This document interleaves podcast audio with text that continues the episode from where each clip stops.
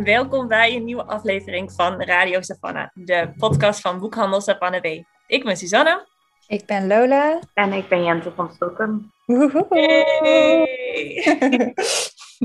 Ehm, dit is de podcast van Boekhandel Savannah B. Wij zijn een onafhankelijke boekhandel in het centrum van Utrecht, gespecialiseerd in feministische literatuur. Voor ons wil dat zoveel zeggen als literatuur op het snijvlak van gender, queerness en postcolonial. We maken deze podcast uh, om mooie boeken te bespreken, om verhalen aan het licht te brengen en om ook een beetje dat gevoel van uitwisseling en gemeenschap, dat we een beetje missen nu we allemaal dicht zijn, toch nog een beetje vast te kunnen houden. En vandaag bespreken wij een nieuwe poëziebundel. Ik zeg Emily van Jentel van Stockholm, met niemand minder dan Jentel van Stockholm. Yes. Hallo Jentel. Hallo. Dat, uh, wat fijn om er te zijn. Jente, wil jij uh, aan de mooie mensen iets vertellen over jezelf, wie je bent en misschien ook iets over hoe jij Savannah B kent? Ja, uh, nou, mijn naam is dus Jentel van Stokken. Ik ben schrijver van voornamelijk poëzie en theaterteksten. Ik heb ook wel eens schrijflessen en dat soort dingen. Ik, we zijn breed inzetbaar in ons vakgebied. um, en ik ben net gedebuteerd als dichter met mijn uh, Ik zeg Emily. En ik ken Savannah B echt al jaren. Ik ben een enorm vaste klant, geloof ik ook wel. uh, ik weet niet meer of Savannah B mij nou per se is getipt of dat ik er zelf een keer... Nee, iemand heeft mij dit getipt als feministische boekhandel. En toen ben ik naar, daar naar binnen gegaan en uh, ik vond het meteen heel erg leuk. Ook omdat jullie veel vrouwelijke auteurs hebben. Veel auteurs die ik niet in de... Volgens mij hadden we toen nog de selecties. Hm? Die ik daar niet zag liggen. En dat ik dacht, oh, dit bevalt me wel. Ik voel me daar heel erg thuis bij. Dus vervolgens uh, ben ik erg vaste klant geworden. Ik denk wel acht of negen jaar al dat ik heel veel bij jullie langskom. En dat heeft ook heel veel invloed gehad op mijn, uh, mijn boekenkast. Ja, ja, volgens mij ook, Jentel. Ik heb eigenlijk heel lange tijd gedacht dat je ook vrijwilliger was bij Savannah D. Omdat volgens mij, ik kan me niet meer herinneren dat we een evenement hadden waarbij je niet op de, op de lijst stond. Je bent, bent er eigenlijk zo vaak bij en je bent zo vaak in de winkel dat ik altijd dacht dat je Savannah D'er was. Dat ben je natuurlijk ook. Ja. Aan de andere kant van de kassa, zeg maar.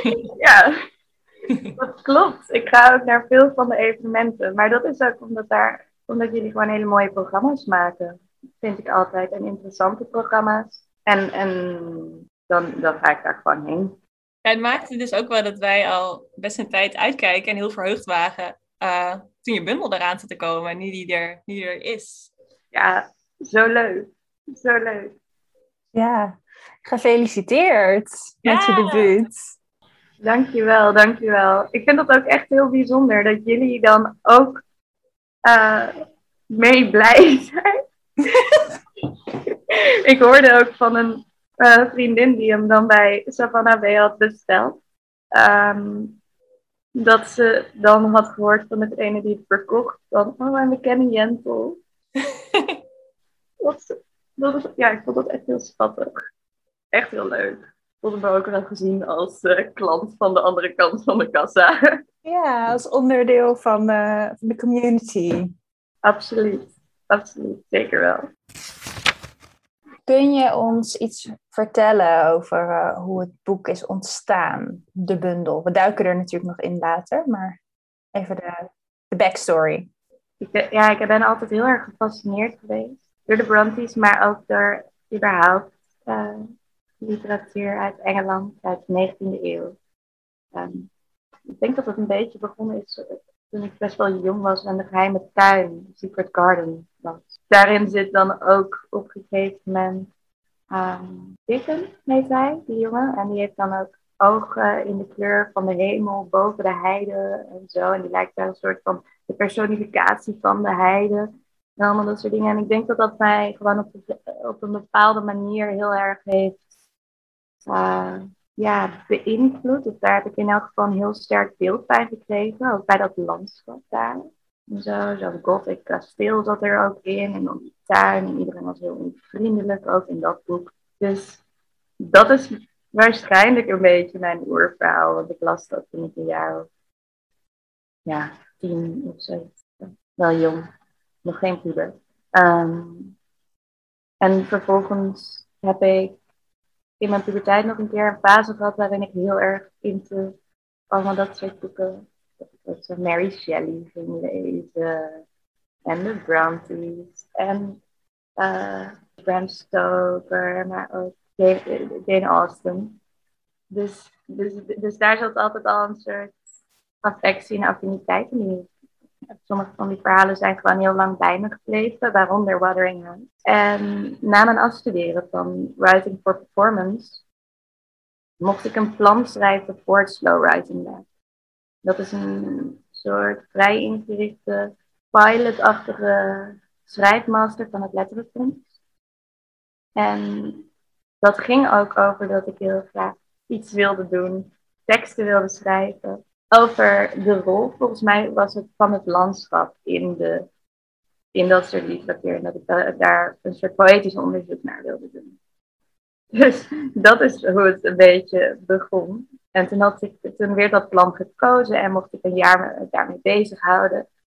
En ik trechterde gewoon heel snel al wel. Of tenminste, nu denk ik dat het heel snel ging. Waarschijnlijk ging het toen veel moeizamer en langzamer dan ik me nu herinner. Maar ik trechterde wel heel erg richting de Brontes. En uh, op een gegeven moment was daar ook alleen nog maar Emily van over, terwijl ik ook van Charlotte en Anne wel hou. dus, dus zodoende. En ik denk ook wel soms dat mijn liefde voor Kate Bush hier ook een rol in speelt. Omdat ik ook al sinds ik heel jong ben erg van Kate Bush hou. Um, en zij heeft natuurlijk het nummer Wuthering Heights geschreven, haar doorbraak. Haar grote, grote monsterhit op de radio's en alles. Dus uh, dat heeft vast ook bijgedragen in dat ik dacht, oh, ik ga het gewoon hierop focussen. Oh, je hebt me nu dus de perfecte segue gegeven, dat weet je. Ik komt mijn podcastdroom uit dat ik Wuthering Heights van Kate Bush in een podcast mag plakken.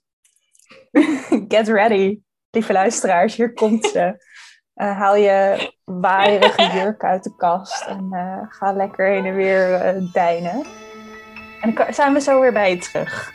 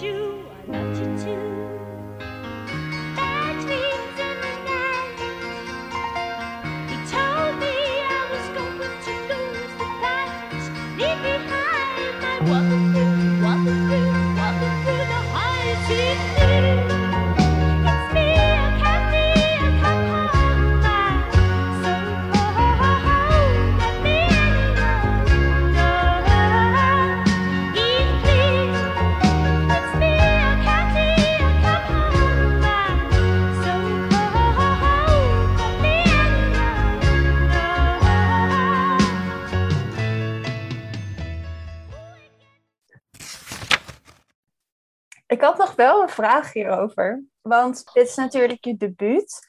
En tegelijkertijd is het ook een werk wat heel erg inhaakt op een heel soort van kanonische figuur in de Engelse literatuur. Dat is best een move ook. Best wel ook een. Niet van dat je jezelf daar nu in plaatst, helemaal niet hoor. Maar je gaat wel een specifiek gesprek aan met een auteur waar ook al heel veel om te doen is geweest en blijft. Had je daar een gedachte bij? Of een, een, soort van voorbedachte raden? Of was het gewoon puur de, de passie van de, voor haar en haar Ik denk dat het deels de passie is, maar ik had er wel degelijk een gedachte bij. Namelijk, ik ben een, ik ben een fervent lezer en uh, hartstochtelijk bewonderaar. Ik bedoel, in de bundel zit ook een gedicht uh, met dat in de titel van ik ben altijd zo uitzonderlijk goed in bewonderen geweest. En iemand heeft me ooit verteld dat dit mijn talent is. Dat is mij daadwerkelijk gezegd. Mhm. Ik hou heel erg van bewonderen. Maar bewonderen is ook, het- dat is ook een vorm van liefde, maar het is ook iets waardoor je je gedwongen voelt je te verhouden. Tenminste, ik voel me dan ook in een positie gebracht waarin ik me dan ook ga verhouden tot hetgeen wat ik bewonder. En ja, ik dacht ook dat het niet erg zou zijn om die bewondering en hoe je je verhoudt tot een voorbeeld, om dat ook te thematiseren. Zeker als jonge dichter die net debuteert, die nog helemaal niet echt veel naam bezit en allicht nooit gaat bezitten, vind ik het dan heel interessant om mij te verhouden tot iemand die kanon is, die zo groot is, waar zoveel mythevorming ook omheen is ontstaan. En ook nog eens een vrouw in een tijd waarin het nou, best wel uitzonderlijk was om überhaupt te schrijven en überhaupt een positie te vinden in dat veld. Dat ja, was, was toen natuurlijk heel bizar om je dromen na te jagen als vrouw. En toch deden alle Brontes dat en natuurlijk meer. Maar als ik daar dan over nadenk, dan denk ik, stel ik mezelf ook meteen de vraag: oh ja, had ik die kracht gehad? Had ik dat talent gehad? Uh, was ik goed genoeg geworden uiteindelijk in zo'n tijdsgevricht om later nog zo na te gaan door de geschiedenis? En hoe verhoudt je je überhaupt tot iemand die zo nagaan? Dus dat waren ook wel ideeën waar ik, ja, of, of gedachtegangen waar ik heel veel mee bezig was tijdens het schrijven. En het maakt misschien ook wel expliciet wat eigenlijk alle schrijvers doen als ze een debuut uitbrengen. En bedoel, ik ga er dan vanuit dat elke schrijver beïnvloed is door al, niet per se door de Brontes, maar wel door ander werk. Dat is gewoon hoe, hoe Ja. cultuur werkt. Ehm, en, en jij hebt ervoor gekozen om dat heel bewust aan te gaan, dat gesprek. En dat ook in je bundel heel expliciet Ja. te maken. Ik denk ook dat dat is dat dat deels ook voortkomt uit het feit dat ik heel erg van intertextualiteit hou. Ik hou ook heel erg van het moment waarop ik ontdek dat schrijvers die ik bewonder en goed vind, andere schrijvers die ik ook bewonder of goed vind, ook hebben gelezen. En wanneer je dan opeens denkt, oh, er is een enorme traditie van allemaal mensen die elkaars werk hebben gelezen en in elkaar na aan het galmen zijn. Die elkaar iets schatplichtig zijn. En ik vind het, ja, ik ben me daar gewoon altijd heel erg bewust van. Dat ik daarin niet, dat ik niet op mezelf sta. Dat ik gevormd ben door alles wat ik heb gelezen. En alles wat ik goed vind en, ik zeg het opnieuw, bewonder. Maar het is wel ook, ja, het is best wel ballen ook in een zin. Want ik had zelf, ik ging de bundel in en ik wist niet waar het over zou gaan. Ik had het linkje nog niet gelegd dat de Emily uit de titel Emily Bronte was. Dus ik begon te lezen. En toen er een paar gedichten in was, toen begonnen er een beetje belletjes te rinkelen. Toen herkende ik wat thema's. En toen dacht ik, oh, het gaat over Emily Bronte. Opnieuw beginnen, opnieuw lezen. Maar er is natuurlijk heel veel... Uh, en dan ga je toch ook, omdat als lezer ken je waarschijnlijk Emily Bronte... of je hebt een idee van die, die gothic uh, liefdesverhalen of uh, horrorverhalen. En dan ga je dat toch ook meenemen. En dan, dat vind ik dan wel gewoon heel stoer... dat, je, dat een debuterend schrijver dan ook voor kiest... Het is een beetje een risico dat je dan verdwaalt... dat de lezer alleen nog maar op Bronte richt, zeg maar. En dat hij jouw stem niet meer eruit haalt, zeg maar. Dus in die zin vind ik het ook wel gewoon een hele stoere move. Om te zeggen, ik ga expliciet maken en ik ga dat juist benoemen en binnenhalen. En het is aan de lezer inderdaad om de stem van Jentel van Stockholm hier ook in te vinden en te waarderen en, en daarin mee te nemen. Het heeft nooit heel erg gevoeld als iets wat met heel veel ballen ja. gebeurde. het, het voelde altijd als, een, als de meest logische stap voor wat ik interessant vond. Maar ja, als je het zo zegt, dan klinkt het wel een beetje zo van, we zetten hoog in hier. maar in die zin gaat het ook vaak in de bundel ook over liefde voor schrijven. En daarin ook over ambitie. Dat is mij ook niet vreemd. Een beetje ambitie. Maar, maar dit voelde nou niet per se als mijn meest... Uh... Dat is misschien ook maar goed. Ik denk als je er echt heel berekenend in was gegaan, dan had het vast ook niet gewerkt. Als je echt had gedacht van, hmm, welke bekende auteur zou ik mijn debuutbundel eens aan gaan ophangen? En dan was het Dan Brown of Emily Bronte. En dacht je, oké, dan Emily Bronte of zo. Dat, dat had denk ik niet gewerkt. Het zou echt cool zijn als ik Dan Brown Dat was wel leuk geweest. Oh. Ik zeg Dan, had het dan geheten. Maar Dan leeft ook nog, hè? Die kan me nog aanklagen om dit soort dingen. Is het voor jou mogelijk misschien niet om een beetje te pinpointen van waar jouw fascinatie met Emily Bronte vandaan komt? Ja, maar ik heb daar wel veel over nagedacht hoor, tijdens het schrijfproces, wat het dan precies is. Ik denk deels dat het komt doordat het zo'n onaangenaam boek is. Ik vind dat heel interessant, wanneer iets zo in your face onaangenaam en onaangepast. Dat, dat, dat intrigeert mij heel erg. En ik denk ook wel dat de ruimte die er bestaat, omdat er niet heel veel over haar bekend is, dat ik dat ook interessant vond. Ja, dat vond ik heel interessant zelfs tijdens het schrijven. Omdat Charlotte heeft van de Brontes het langst geleefd.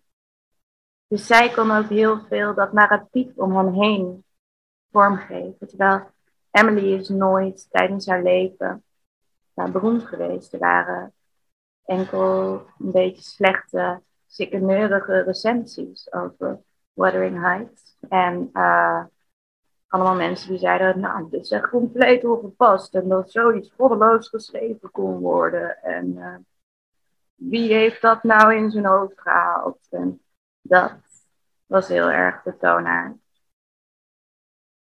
Dus toen zij overleed, heeft eh, Charlotte ten eerste een voorwoord geschreven voor de boeken van haar zussen.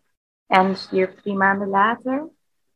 Ehm, en ten tweede is er waarschijnlijk heel veel vernietigd. Waarschijnlijk. Eh, er wordt heel erg gezegd dat, er, dat Emily nog bezig was met een nieuw manuscript. Maar dat is nooit gevonden. En er is heel veel censuur omheen gepleegd om ook haar persoon in die tijd te beschermen. Dus eh, Charlotte heeft heel erg een beeld neergezet van Emily als een soort één met de natuur, wild child, uh, achtig iemand die uh, onschuldig was als een kind en alles. Maar dan zijn er weer andere verhalen over dat ze een enorme driftkop was, die, um, die een keertje haar hond heel hard heeft geslagen omdat hij op de bedden ging slapen, tot hij bont en blauw was. Um, dus, er, dus er zijn heel veel mythes rondom haar. En toen op een gegeven moment bekend werd dat zij A, een vrouw was en B, de zus van Charlotte Bronte, die tijdens haar leven wel heel bekend is geworden. Um, toen werd op een gegeven moment ook die stad Hayward een soort bedevaartsoord. En toen wilden mensen ook dingen weten, zo van hoe waren ze dan? En um, hoe zagen ze eruit? Dus er werd opeens heel veel. Dus daar bestaat heel veel ruimte ook voor het maken van eigen verhalen en eigen mythen. En ook om zo iemand dus een beetje te gebruiken op een bepaalde manier, om diegene je toch een klein beetje toe te eigenen. En dan is er toch weer ook net genoeg informatie en zo'n boek wat echt wereldliteratuur is geworden, om je weer wel aan vast te klampen. En ik denk dat ik die wisselwerking van het hebben van wel informatie en heel veel ruimte voor interpretatie, dat ik dat, ja, dat vond ik heel leuk. Om daarmee te spelen en ook om daarover te fantaseren en na te denken over, ja, wat voor iemand maakt dan dit soort werk. Want iemand is zo roekeloos ook. Het is een best wel. Er is echt niemand leuk in dat boek. Echt niemand. En het heeft zo'n gekke vertelling met die verteller die het dan vertel, verteld krijgt door Nelly en aan zijn bed, terwijl die ja, griep heeft, manflu heeft, ik weet niet wat hij heeft, maar ja, dus ja. ja, en ik vind het daarin ook heel grappig op een bepaalde manier. Hoe dat construct in elkaar zit. En dat iedereen ook de hele tijd een beetje kniftig naar elkaar toe is. En ja, ik amuseer me daar ook heel erg tijdens het lezen. En ik ben altijd wel ja, in meerdere stadia geïntrigeerd geweest door zo'n personage als Heathcliff. Als, als tienermeisje dacht ik echt zo van, oh my god, deze ik held. Uh, dat. En, en op latere leeftijd denk je dan, oh, ja, toxic relationships. En ik denk dat die zin daarin dan de liefde wordt verklaard van Catherine naar Heathcliff toe, waarin ze zegt, ehm, hij is meer ik dan ik mezelf ben. Ehm, dat, dat heb ik altijd een heel spannend en ook zorgwekkend idee van liefde gevonden. En daar heb ik heel vaak nog aan teruggedacht gedurende mijn leven. soort die complete uh, symbiose en dat soort gewelddadige zelfverlies wat daarin optreedt, dat heeft mij altijd wel erg gefascineerd. Lola, weet jij nog dat jij dit boek voor het eerst las? Of... Ja, ja, zeker weet ik dat nog.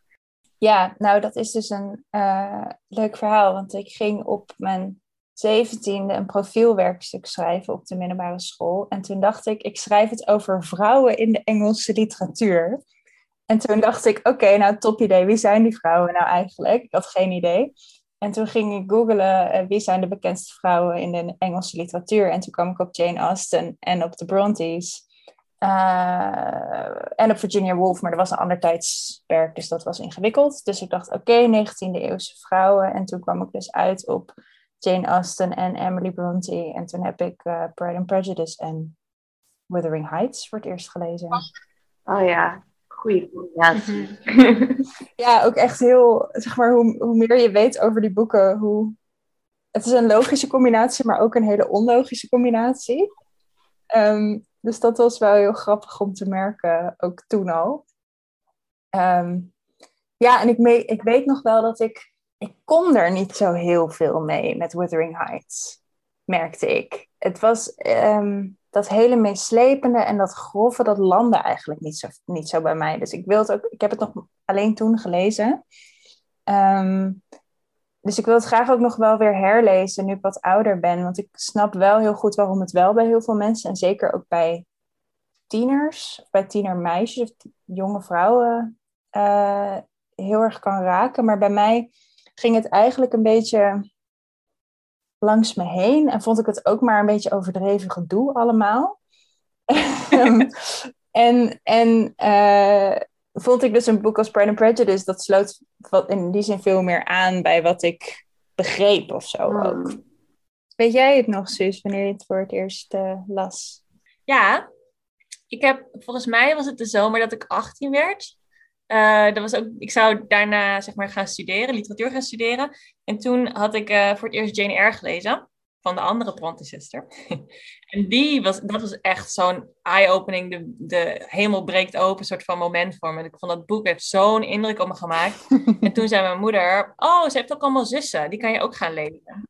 En toen heb ik dus Withering Heights gaan lezen. En dat was toen zo anders. En ik weet nog dat ik echt, uh, ik was echt een beetje geschokt dat, dat, ook gewoon, dat je dat gewoon in de biep kon krijgen. En dat ze me dat gewoon meegaven. En dat je gewoon een boek begint. En dan blijkt het zo'n boek te zijn.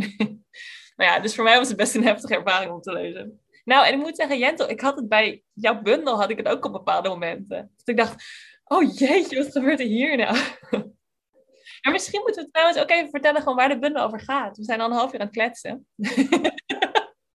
ja, nou in de bundel raakt een jonge dichter waarvan ik niet per se wil zeggen dat ik het ben. Een jonge dichter laat, uh, raakt bezeten, uh, zoekt dat ook op, om bezeten te raken door de geest van Emily Bronte. En uh, verhoudt zich daarin tot, tot het zelf, de dunne lijn tussen jezelf en een ander, de lijn tussen jezelf en die je bewondert, maar ook tot dingen als liefde en zelfverlies en um, eigenlijk alle vormen van bezetenheid. Denk ik dat het daar vooral heel erg over gaat. Want als je zegt inderdaad bezeten zijn, dan gaat het verder dan gefascineerd zijn, misschien geobsedeerd zijn. Het gaat echt over een bezetenheid als in The Exorcist, zeg maar. Het gaat over bezetenheid als echt, zeg maar, een beetje horrorbezetenheid. Die elementen zitten er ook heel duidelijk in, toch? Zeker. Ja, ik vond het ook leuk om daarmee te spelen. Ja. Met dergelijke lagen. En ja, ik denk op een bepaalde manier is heel erg ergens mee bezig zijn toch ook wel vaak een bepaalde vorm van horror. Um, dat je op een gegeven moment denkt, oh god, wie ben ik nog? En wie ben ik als dit wegvalt? Want ik had het inderdaad, op een gegeven moment is er een duidelijk moment dat er een jonge dichter raakt gefascineerd door Emily Bronte, gaat op zoek, gaat het graf opzoeken. Ja, allemaal nog gezellig, zeg maar. En op een gegeven moment is er een seance, er gaat een crypte open. En dat was een bepaald moment dat ik dacht, oh jee, dat ik diezelfde soort van beetje shock had als ik vroeger had bij Wuthering Heights. Maar het zijn ook inderdaad momenten later op de bundel. net de titel die jij ook voorlas. Even kijken, wat was het ook weer? Ik ben altijd zo uitzonderlijk goed in bewonderen geweest. Iemand heeft me ooit verteld dat dit mijn talent is. Dat was ook een zin die ik las, dat ik echt dat het hem om mijn hart greep. Omdat het zo angstaanjagend is. Als dat zo'n soort van defining trait is. Bewondering voor een ander hebben. Jezelf daar helemaal in verliezen. Er zitten heel veel van dat soort momenten in de bundel dat het me echt even ja, naar, naar mijn hart greep, zeg maar. Ja. ja, maar ik denk ook dat dat, ik vind dat zelf ook wel eens heel erg eng. Het heeft altijd een keerzijde. Bijvoorbeeld het moment dat je dan zo erg houdt van een bepaalde schrijver, dat op het moment dat je zelf gaat schrijven, dat je merkt, oh nee, ik werk in de cadans van diegene. Diegene echoot zo hard in me na. En hoe krijg ik dat nou weer uit me? Hoe, hoe zorg ik ervoor dat als ik een fase heb waarin ik heel erg houd van het werk van Clarice Spector, dat ik niet die taal en die adem helemaal overneem? En hoe bescherm ik daarin wel mijn authenticiteit? Ja, en hoe blijf je dan bij jezelf terwijl je bang tegelijkertijd denkt dat jouzelf gereduceerd wordt tot die bewondering, zeg maar. Dat is ook een soort loop waar je dan je in ja. verliest. Ja, en ik hou er ook van. Ik hou ook van het moment dat ik een boek zo mooi vind dat ik het bijna wil inhaleren. En dat ik het overal met me mee ga dragen, omdat ik het zo mooi vind dat ik het niet eigenlijk thuis in zijn eentje achter wil laten. Dat, dat, dat is ook een heel bijzonder moment. Maar op een gegeven moment denk je wel, ja, moet je daar ook weer een beetje uit dan denk je wel, oh jee, ik zie me hier zelf iemand imiteren. Ja, en ik vind het. Soms vroeger leerde ik daar dan ook van. Door imitatie te groeien. Maar op een zeker punt wil je ook als dichter zeker je eigen stem hebben. En ervoor zorgen dat die staat en dat die echt van jou is. En dat is dan ook weer even zoeken. Ik vind hem steeds sneller terug. Dat is absoluut aan de orde hoor. denk ik. Maar ja, ik denk dat wij, ik hoop dat alle schrijvers dit hebben. Dat het niet een eenzaam ding is. Volgens mij hebben wel meerdere hoor. Maar... Waar wij nog over aan het filosoferen waren van tevoren, voordat we aan deze podcast begonnen, waren Suzanne en ik aan het denken van hoe uh, is juist poëzie een goede, goed middel voor jou om uiting te geven ook aan zo'n fascinatie of obsessie? En soort van in het verlengde daarvan, um, wat ik me kan voorstellen bij iemand als Emily Bronte, is dat je, je kan natuurlijk ontzettend veel lezen, documentaires, biografieën, de beschouwingen, heel veel soort van non-fictie onderzoek, zeg maar.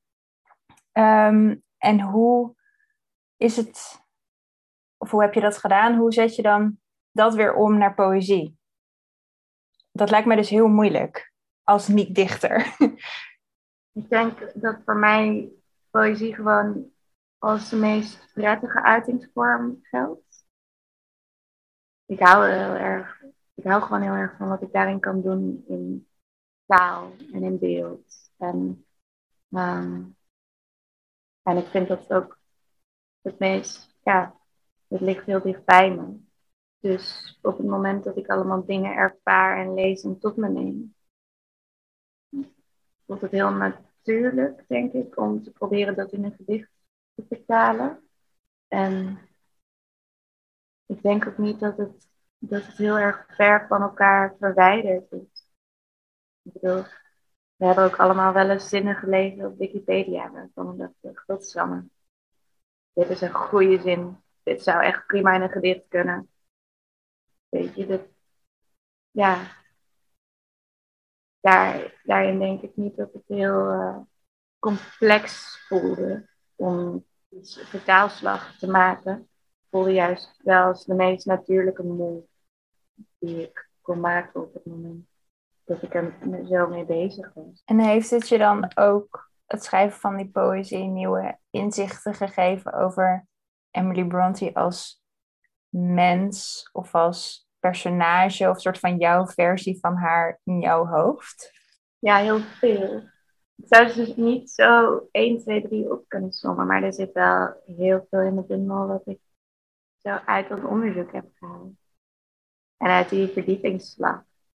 Uh, en ook uit het kijken en lezen en ook naar, naar die plekken gaan. Uh, dat heeft allemaal meegewerkt aan het tot stand komen en vervolgens weer afbreken van een beeld dat er van haar bestond. Maar ik denk eerlijk gezegd dat Emily niet tot volle uiting komt in de bundel. Op een gegeven moment wordt ze ook een beetje een denkgereedschap voor het lyrisch ik dat erin verkeert. En dan kun je wel zeggen van, oh ja, ik ben bezeten door en spook door mijn huis, et cetera. Maar um, in principe is ze gewoon een middel op een gegeven moment ook. Op een bepaalde manier. Om uh, tot bepaalde gedachten te komen. Dus ik denk wel dat ik nieuwe kanten van Emily Bronte heb ontdekt. Maar ik heb vooral ook heel veel ontdekt over hoe ik werk als schrijver. En over het lyrisch ik dat ik hanteer heb, denk ik, voordat ik aan deze bundel begon, best wel lang ook geprobeerd om een uh, ja, prettig lyrisch ik te hanteren. Eentje die uh, iets liefelijker misschien was. Iets minder uh, fel ook. Ik wilde heel graag nog aardig gevonden worden. Ook in een gedicht. En op een gegeven moment in de bundel viel dat ook weg. En soms vond ik dat ook wel een beetje schrikken. Uh, iemand die meelas zei op een gegeven moment dat het geen leuk mens was die aan het woord was in de bundel. Maar dat kon ik echt... Dan kon ik echt anderhalf week niet schrijven. Oh. Het was zo'n terloopse opmerking. Het was helemaal niet vervelend bedoeld of zoiets, denk ik. Maar dat ik echt daar even een kleine blokkade van ervoer, omdat er gewoon een wezenlijk deel in mijzelf is, die dan denkt, oh maar, het moet wel aardig blijven. Ook op papier. Ja. en ook als het om, niet om jou als persoon gaat, maar om een lyrische ik-constructie. Ja, om een werk. Om, om een creatieve uiting, om iets wat je ook aan het verzinnen bent en waar je in aan het spelen bent. En dat het dan ja, wel allemaal uit jou voortkomt. Dus op het moment dat er dan gezegd wordt, nou, het is geen leuk iemand die aan het woord in deze tunnel. Dat je dan denkt, oh, ik voel me hier, en dat je echt daadwerkelijk aangevallen in. En dan moet je weer die grens tussen jezelf en dat lyrisch ik heel erg voor jezelf benadrukken van, oh ja, ik ben niet het werk. Ik ben niet de gedichten en uh, het komt weliswaar uit mijn hoofd, maar uh, het slaat niet op die manier uh, op mij over. Tenminste, dat moet ik mezelf dan eventjes inprenten. Ja, maar je zou natuurlijk ook kunnen denken, goh, de, de constructie van zo'n ik-figuur in een bundel is juist een manier om schaamteloos alles uh, los te laten, zeg maar. Dat een soort van vrijbrief, als soort vrijbrief kan fungeren om maar gewoon te spuien over van alles en nog wat. Ja, en ook misschien de, de introductie van personages, zoals in Heathcliff, die op een gegeven moment ook een personage wordt. En Cat, die natuurlijk ook niet per se de aardigste persoon is die we kennen uit de wereldliteratuur. Die inderdaad op te voeren, geef je jezelf eigenlijk ook de ruimte, toch? Om, om zo'n personage neer te zetten, zo'n stem te laten horen. Ja, zeker. Zeker. En ik weet, ja, je zou zeggen dat het op die manier moet werken, maar ergens in mijn hoofd heb ik ook soms het gewoon nodig om inderdaad heel erg te benadrukken. Ja, dat, dat die ruimte er is op papier ook. Dat, het, ja, dat wat je schrijft niet per se sympathiek hoeft te zijn. Of wenselijk op een bepaalde manier. Dat het ook hard mag zijn of uitgesproken of controversieel. Of, uh, Misschien om je gerust te stellen. Er waren een aantal punten in de bundel dat ik me heel erg op mijn gemak voelde bij de ik-verteller. En dat ik heel erg veel sympathie had voor de ik-verteller. En het waren denk ik met name de momenten dat... Want we zeiden al, er is een soort van uh, meerstemmigheid in het boek. Met name als de, als de zeg maar, bezeten fase intreedt. Uh, maar je hebt tussen al die verschillende stemmen, de grote, meeslepende gothic voices, heb je ook de stem van de persoon die ja, ook gewoon uh, boodschappen moet doen en uh, Facebook-update. En, uh, en er zitten heel veel momentjes in dat opeens dan weer zo'n heel identificeerbare stem in voorkomt. En de eerste keer dat ik echt hardop moest lachen ook bij deze bundel, want dat heb ik ook een aantal keer gedaan, is als de, de ik-persoon voor het eerst bij het graf komt van Emily Bronte. En dan Um, is er heel lang op voorbereid en helemaal ideeën over hoe dat gaat gaan. En dan heeft ze bepaalde kruiden bij. Ik ben even vergeten wat het was. Volgens mij ja, struikhei, dat groeit daar. Kijk, nou, en dan neemt ze een bepaald struikhei en dan loopt ze op dat graf toe. En dan legt ze dat struikhei neer en dan zegt ze, hier heb je struikhei. Zegt ze dan tegen Emily. en ik moest er zo om lachen, want ik kan me zo goed voorstellen dat je dat zo opbouwt en opbouwt. En dan staat ze van, nou, hier is het. Emily, hier is struikhei. En er zitten dat soort momenten door de bundel heen, die weer een heel andere toon en een heel andere ook mogelijkheid identificatie geven. Ja. Is dit misschien een moment om wat voor te lezen, Jentel? Ja, leuk. Lezer. De nacht dat hij vertrok was een nacht waarin het stormde. Hij liet de deur openstaan en hoorde niet dat ik zei hoe hij en ik, als de ziel dan ergens van gemaakt is, et cetera. Of we dat dan liefde noemen is een tweede, et cetera. Ik kende hem zo goed. Lezer, de vrouw die ik was, is een schim van de vrouw die ik ben. De overeenkomst is dat ze zich beide identificeren met een Victoriaanse roman. Het verschil ligt besloten in wat ze willen. Ik leg ze over elkaar heen. De meeste foto's waar ik op sta, zijn foto's waarop ik mezelf niet herken. Maar ik voel me geborgen in mezelf lezen en maak je geen zorgen. Lezer, ik ben zo verdomd onschuldig in al onze verhalen. Het gaat ten koste van mijn autonomie en hang naar verantwoordelijkheid. Lezer, ik verliet hem overdag. Herhaling is een stok waarmee we elkaar slaan. Lezer, ik stel grenzen door te benadrukken. Er hoeft niets uitgedreven te worden. En wat is nou een uitbreiding? Wanneer de ene geest vervangt door een ander, denk je dat ik vrij ben, lezer, en wat versta jij onder vrijheid of verlossing? Lezer, ik poog mezelf te verhouden tot iedereen en zijn moeder. Ik zeg dat het mezelf verhouden van groot belang is binnen mijn poëtica en dagelijks leven. Lezer, hoeveel uur van je leven heb jij inmiddels aan poëzie besteed? Is dat het waard? lezer? Neem je het met kwalijk, lezer? Hoeveel ik van je opeis en neem ik te veel ruimte in, lezer? Hoeveel ruimte mag een mens innemen, lezer? Alle schrijvers zijn in de kern egocentrisch, is mij verteld, maar ik ben onschuldig in al onze verhalen. En is het erg om ruimte in te nemen en tijd? En mag ik je vragen door te lezen, lezer? Ik kan het vragen terwijl ik bloos en naar beneden kijk ik zal mijn lip bijten en fronsen zoals ik altijd frons wanneer ik me zo uitermate kwetsbaar voel. Lezer, ik kan het kwetsbaar vragen. Mijn ogen groot, de pillen wijd, alsof ik de wereld op wil slokken, zoals ik gretig de wereld op wil slokken. En het zal je bevallen, omdat het je een gevoel geeft van macht. Je denkt dat ik jou wil, niet de wereld. Het zal je bevallen, zoals het bevalt gewild worden, lezer. Ik zal het je vragen alsof ik jou wil en de wereld. Lezer, mijn schouders zijn smal. Ik lijk zo klein in de deuropening. Ik moest dus ook lachen over lezer. Ik boog mezelf te verhouden tot iedereen en zijn moeder. Die was er nog bijna uit. Oh ja? Ja. Oh, gelukkig zit hij erin.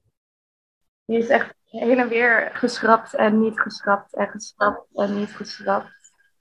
Maar ik vind het ook lekker om dat soort taal ook weer terug te laten komen in poëzie. Ja. Ik denk zo snel, oh, ik moet een dichtbundel schrijven. Laat het dan maar verheven zijn of zo. Um, tenminste, ik merk dat ook vaak bij de schrijflessen die ik geef. Aan jongeren en zo. Dat ze dan heel uh, hoogdravend en bombastisch gaan. En dan pleit ik ook altijd wel voor juist dit soort dingen. Ik daar ook zelf uh, een grote affectie voor heb. Ja. Voor die taal. En dat ik dat ook mooi vind. En poëtisch, als iemand zegt, uh, ja, en zijn moeder en je moeder dit. Vind ik ook wel. er zit iets lekkers in. Ja. En er zit ook in het, in het gedicht, waar, de, waar de, de ik naar dat graf gaat, dat, dat er dan staat, ik ga zo hard naar dit graf of zo. Ik ga zo hard op dit graf of zo. Ja, ik zoek het graf hard. Oh ja, dat was het. dat is heel grappig. En tegelijkertijd ook heel uh, wat Suzanne het ook al zei, ja, dat snap je natuurlijk helemaal als lezer. Dat dat zo'n gewichtig moment is en dat je dat ophypt voor jezelf. En dat je dan denkt, ik ga echt, de, deze ervaring wordt het gewoon. Ik ga gewoon zo hard naar dat graf. Ja. Niemand heeft ooit zo hard een graf bezocht. Als... ja. ja, maar het lijkt ook ja. weer mooi die meerstemmigheid ik zie. Die in ja. Ja, want dat vond ik wel heel interessant ook, omdat het ook switcht tussen de verschillende stemmen en personages. Dat je, en doordat het over Emily Bronte gaat, switcht het daarmee ook tussen verschillende tijden. Waardoor het soms een beetje of in twee tijden tegelijk, in het nu en in het verleden lijkt te zijn. Of dat je als lezer denkt, ik weet eigenlijk niet waar ik nu ben en dat is wel prima. Mm -hmm. En dat vond ik wel heel um, mooi ook. En ook... Uh, soms contrasteert dat ook heel erg met elkaar. Dat in het gedicht over de reizende vrouw, of de jonge reizende vrouw die alleen reist. Oh. Dat gaat denk ik heel erg over hoe je nu als jonge vrouw te horen krijgt wat je allemaal tegen kan komen, eventueel als je in je eentje op reis gaat. En dat contrasteert dan heel erg met zo'n Emily Bronte die je dan voor je ziet op die moors in haar eentje en met haar hond en haar wapperende haren en haar, nou ja, weet ik veel wat. Uh, terwijl tegelijkertijd ik in elk geval ook dacht, nou, ik weet niet hoor, maar als ik in mijn eentje in die tijd op die moors had rondgewandeld, dan uh, was ik vast niet thuisgekomen. Ja, maar ook nog al die moerasjes die daar zitten en zo. Ja, ik vond het wel heftig als ik daar rondliep en uh, een, een ging bereiken. En ik dacht, dus dan dacht ik, nou hè, hopen dat we het redden. Ja, het wandelpad met de bordjes. En het wandelpad met de bordjes. En gewoon de, de, normale mensen die daar rondlopen. Ja. ja. maar dat is wel heel spannend, omdat het ook uh, natuurlijk gaat over hoe zij als vrouw schreef. En wel of niet kon schrijven en moest publiceren onder een uh, mannen pseudoniem, mannelijke naam. En dit, die soort van die spanning tussen verschillende vrijheden en beperkingen, zeg maar. Dat vond ik mooi. Fijn. Fijn ook dat je dat uh, een beetje uithoudt. Het zijn wel dingen waar ik veel over na heb gedacht in het schrijfproces. En ook wel over die dubbelheid van tijd. Ik geloof ook wel altijd in een zekere vorm van gelijktijdigheid. En ja, ik vind dat allemaal wel intrigerend en spannend. En ik dacht, oh ja, als er een geest door je huis vaart, dan neemt diegene sowieso die eigen tijd ook mee. Ja, zit je per definitie in meerdere tijden tegelijk. Ja, in, meer, in meerdere tijdslagen. Ja. Dat was ook voor mij als schrijver heel leuk om als uitgangspunt te nemen. En vooral ook een beetje te spelen en aan de haal te gaan met het boek, met die personages. Die ook als soort van surrogaat geliefde uh, mee te nemen in mijn wereld, de wereld van het lyrische in het nu. Ja, want voor degene misschien die het boek nog niet, of die de bundel nog niet gelezen hebben, de bekende of bekendere personages uit Wuthering Heights, die komen allemaal langs. Ja. Die heb jij uh, je eigen gemaakt op een manier. Of inderdaad in elk geval gebruikt klinkt dan weer zo lullig. Maar ingezet op een bepaalde manier. En ook een beetje vertaald naar het nu. Ja. Daar, daardoor. Zeker. Ja, maar dat moest wel. Nou, weet ik niet. Je had ook jezelf. Uh, de, de, de, ik zeg iedere keer jezelf. Dat moet je echt niet doen. Dat is echt literatuurwetenschap 101. Sorry. Um, je had ook het lyrisch ik in de, in, de, in de Victoriaanse tijd kunnen zetten ja, het voelde gewoon zo natuurlijk om ze naar mij toe te halen. Mhm.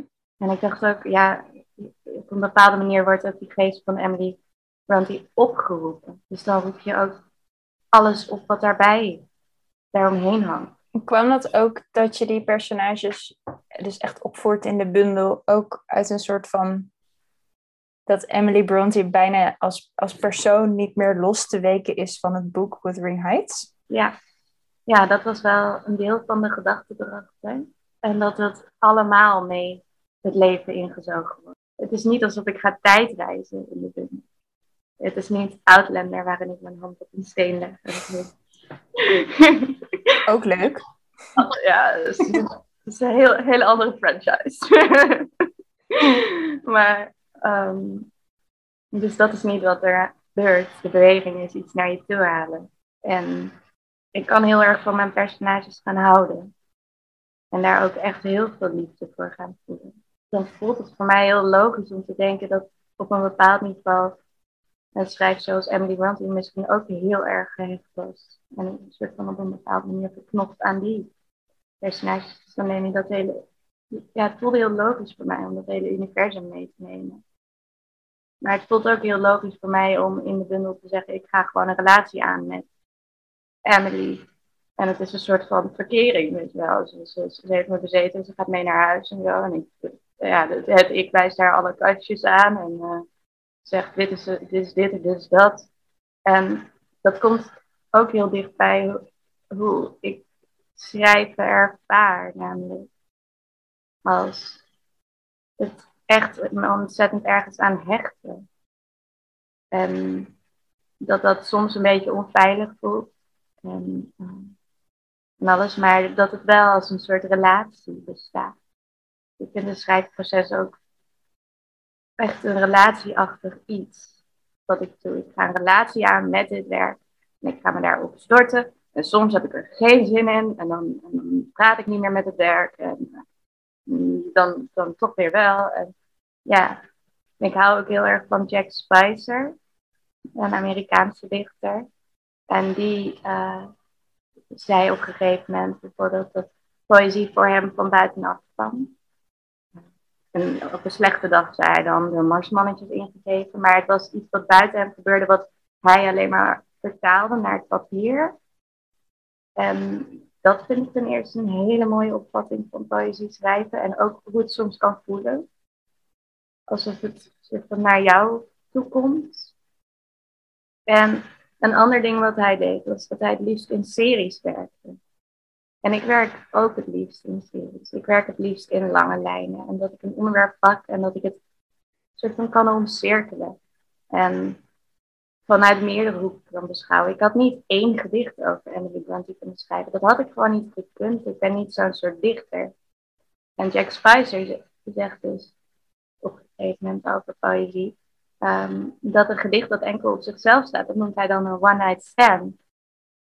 En toen dacht ik, oh, jij, jij ziet poëzie of een serie ook als een soort relatie die je aangaat met een werk. Een werk waar je een beetje verliefd op bent, een beetje verknopt aan bent. En je probeert je daar dan extreem te, te verhouden. En dan is het af en dan, uh, dan, dan zien we dat dan wel weer. Maar een gedicht alleen maar zo één is, ja, dat voelde voor mij heel erg kloppen. Ja, we hebben het er zijdelings een beetje over gehad, over uh, zeg maar bezetenheid en zo. Maar wat ik een heel interessante thema ook vond, in de bundel zijn die, die rituelen. En, ehm, want er is inderdaad een seance in, er zit een soort exorcisme uh, in. Er is heel veel aandacht voor. We zijn al bepaalde kruiden, maar ook bepaalde soort enchantment. Door het ritme van de taal, inderdaad. Zit daar ook iets heel, gebeurt iets heel spannends, wat ik zelf, ik lees dus niet heel veel poëzie, maar wat voor mij een hele uh, andere manier van poëzie, poëzie lezen ook gaf. En dat komt misschien ook deels omdat ik zelf uit de ritueelstudies kom. Dus ik heb heel veel onderzoek gedaan naar mensen die rituelen vormgeven en daar betekenis uit halen. En ik vond het dus heel gaaf om dat hier terug te zien. En ik weet niet goed wat de vraag hierover is. Ik denk dat het gewoon een open uitnodiging is om hier eens over een beetje te sparren. Ja, leuk. Ja, ik hou heel erg van rituelen. Ik hou heel erg van dingen die het leven een tikje iets magisch kunnen geven. En ik hecht ook wel een bepaalde waarde aan bijgelovig zijn. Terwijl ik ook wel, terwijl ik zelf niet per se heel bijgelovig ben. Ik zie ook wel dat, het, dat bijgeloof daarin niet realistisch is. Maar ik hou ervan. Ik hou van de, rit, de, de rieten die ergens bij zitten op het moment dat je zegt: Oh, ik moet het even afkloppen op echt hout. Ik moet even um, zout over mijn schouder en misschien heilig hout branden. Uh, om ervoor te zorgen dat dingen schoon en goed worden. En ik heb daar een bepaalde waarde ook aan. En ik doe het zelf ook. Met regelmaat. Dat ik dan denk, oh ja, ik ben onrustig. En wat kan ik doen nu om mezelf tot rust en veiligheid te manen? Uh, een ritueel ja, een stukje hout in de fik steken en hopen dat het mijn ruimte zuivert. Ja, ik ben nou nooit bang geweest om daarin iets spiritueels op te zoeken. Ik vind vooral heel interessant. Het intrigeert me ook. Hè? Ook hoe het werkt. Dat is voor mij ook vaak werkt. Om, om zoiets te doen. Om gewoon een bepaalde handeling, een rituele handeling uit te voeren. En dat dat een effect heeft mij als mens, als lichaam, als, als iemand die zich in een ruimte bevindt. Ja, en dat fascineert me. Ik vind het ook spannend wanneer poëzie op een bepaalde manier als een bezwering gaat voelen. Ik heb het idee dat het dan ook vaak muzikaler wordt. En daar hou ik van. Maar ook op het moment dat je denkt, oh nu, in dit gedicht, terwijl ik hier naar luister, er bestaat even geen ruimte. Er bestaat geen tijd. Ik ben nu volledig in deze dans van deze taal en in het universum met deze beelden. En ja, dat, dat intrigeert mij zo enorm als dat gebeurt. En voor mij voelde dit als een hele geschikte ruimte om daar ook mee te flirten met die, met dat, die ideeën. Omdat uh, wij hebben het net al gehad over die geest van Catherine die op dat raam klopt dat het motorisch moment is eigenlijk de opkomst van een geest, hoe Hamlet. Uh, maar ja, daarin uh, start het. En vervolgens aan het einde wordt er ook nog zo even terugverwezen naar die geest. En naar een soort van vredig rusten van de doden. Het voelde ook heel logisch om er een beetje een spookverhaal van te maken. En dat ik dan alle rituelen die ik interessant en fascinerend vind daarbij mag laten meespelen. Ik voel dat je op een bepaalde manier ook iets aan het bezweren bent wanneer je schrijft. Dat een vorm van hekserij bijna praktiseert wanneer je voordraagt. Dat, ja, dat vind ik erg spannende ideeën. Leuke ideeën ook. En ook wel vanuit een ja, feministisch standpunt ook in ja, en ook omdat het dan ergens gaat over toe-eigening en autonomie. Ook van dan weer daarin spannend en interessant. Ja, en het geeft dingen ook een bepaald gewicht. En ik denk dat dat heel. Uh, dat hangt ook weer samen met heel hard gaan naar dat graf en zo.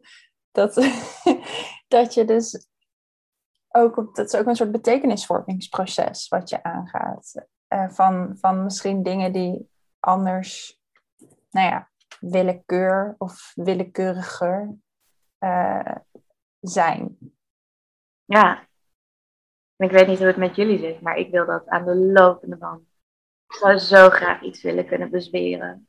In het dagelijks leven of gewoon binnen de pandemie. Of in, in de klimaatproblematiek waar we nu mee te maken hebben. Ja, daarin kan ik soms echt wel een bepaalde rust vinden, in elk geval in een, in een handeling die ik heb om uit te voeren. Zeker wanneer je je moet verhouden tot punten waarop je je soms zo machteloos kunt voelen. Ik moest zelf ook denken aan de, zeg maar die, die lange fascinatie die er ontstaat rond Emily Bronte en het werk. Uh, met name, zoals we net al zeiden, ook bij, bij jonge mensen en soms ook bij jonge vrouwen. En dat daar waarschijnlijk ook, tenminste, ik heb het idee dat er ook een soort van die, die drang of die, dat verlangen naar dat, dat kosmisch en dat mythisch en dat groter dan welk leven dat wij ooit mee zullen maken waarschijnlijk.